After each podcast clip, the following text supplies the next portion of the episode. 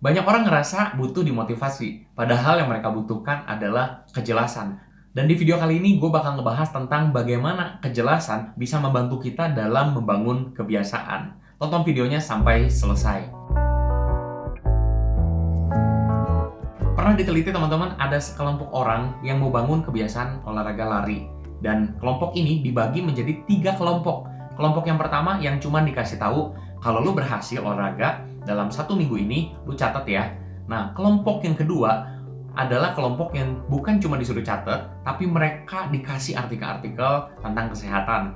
Mereka dikasih buku-buku tentang pentingnya berolahraga. Nah, intinya mereka tuh dimotivasi.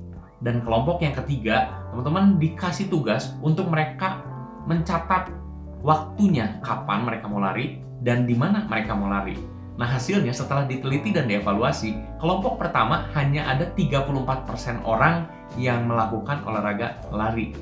Dan kelompok yang kedua, yaitu kelompok motivasi, hanya selisih 3%.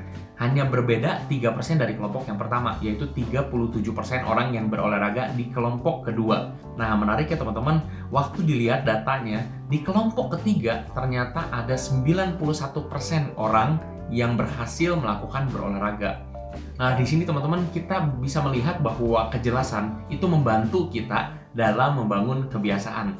Apa aja yang perlu jelas? Yang pertama teman-teman kita perlu jelas mau bangun habit apa. Nah, ada banyak orang mereka cuma bilang sama diri sendiri bahwa gue pengen ngebangun habit uh, hidup lebih sehat atau gue pengen ngebangun habit uh, baca buku. Nah, teman-teman itu perlu dideskripsikan, perlu lebih spesifik, perlu lebih jelas kalau misalnya kita mau makan sehat, makan sehat tuh yang kayak gimana? Apa yang boleh, apa yang nggak boleh? Apa yang sehat, apa yang nggak perlu ditulis.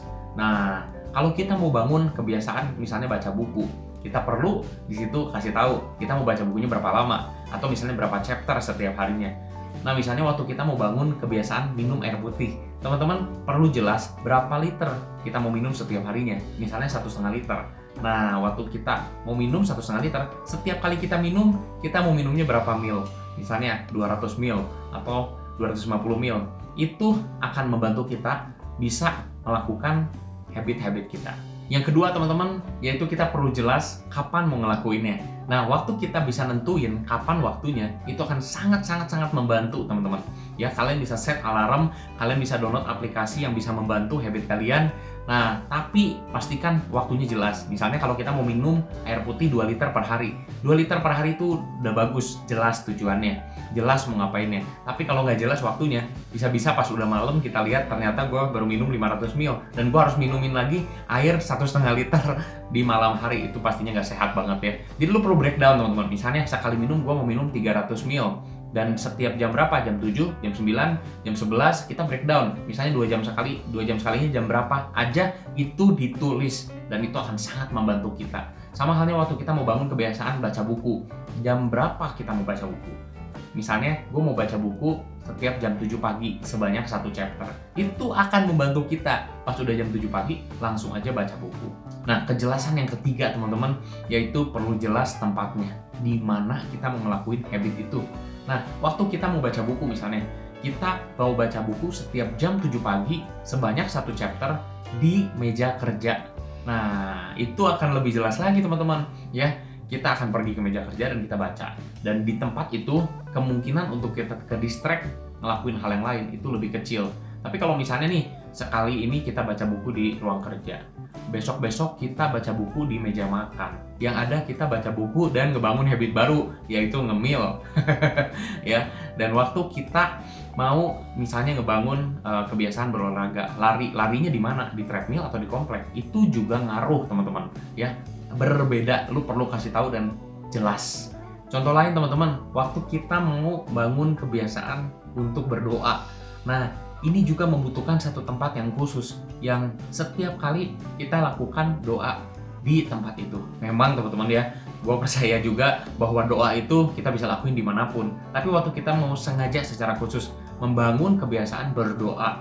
Nah, selama misalnya 15 menit setiap hari jam 7 pagi di nah ini penting teman-teman ya di kasur kah atau misalnya di meja kerja tadi atau misalnya di meja makan itu oke okay, nggak masalah tapi konsistenlah lakukan di sana saran gue teman-teman satu tempat untuk satu kebiasaan. Itu akan membantu kita. Kalau di rumah lu nggak punya banyak ruangan, is okay. Lu bisa putuskan satu sudut ruangan untuk satu kebiasaan.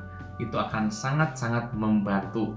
Jadi ada tiga hal yang perlu jelas. Yang pertama jelas mau ngapain.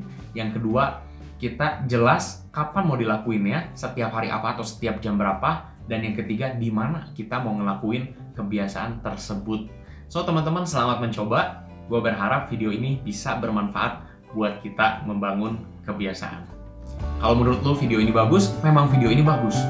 Sampai ketemu di video-video bagus selanjutnya.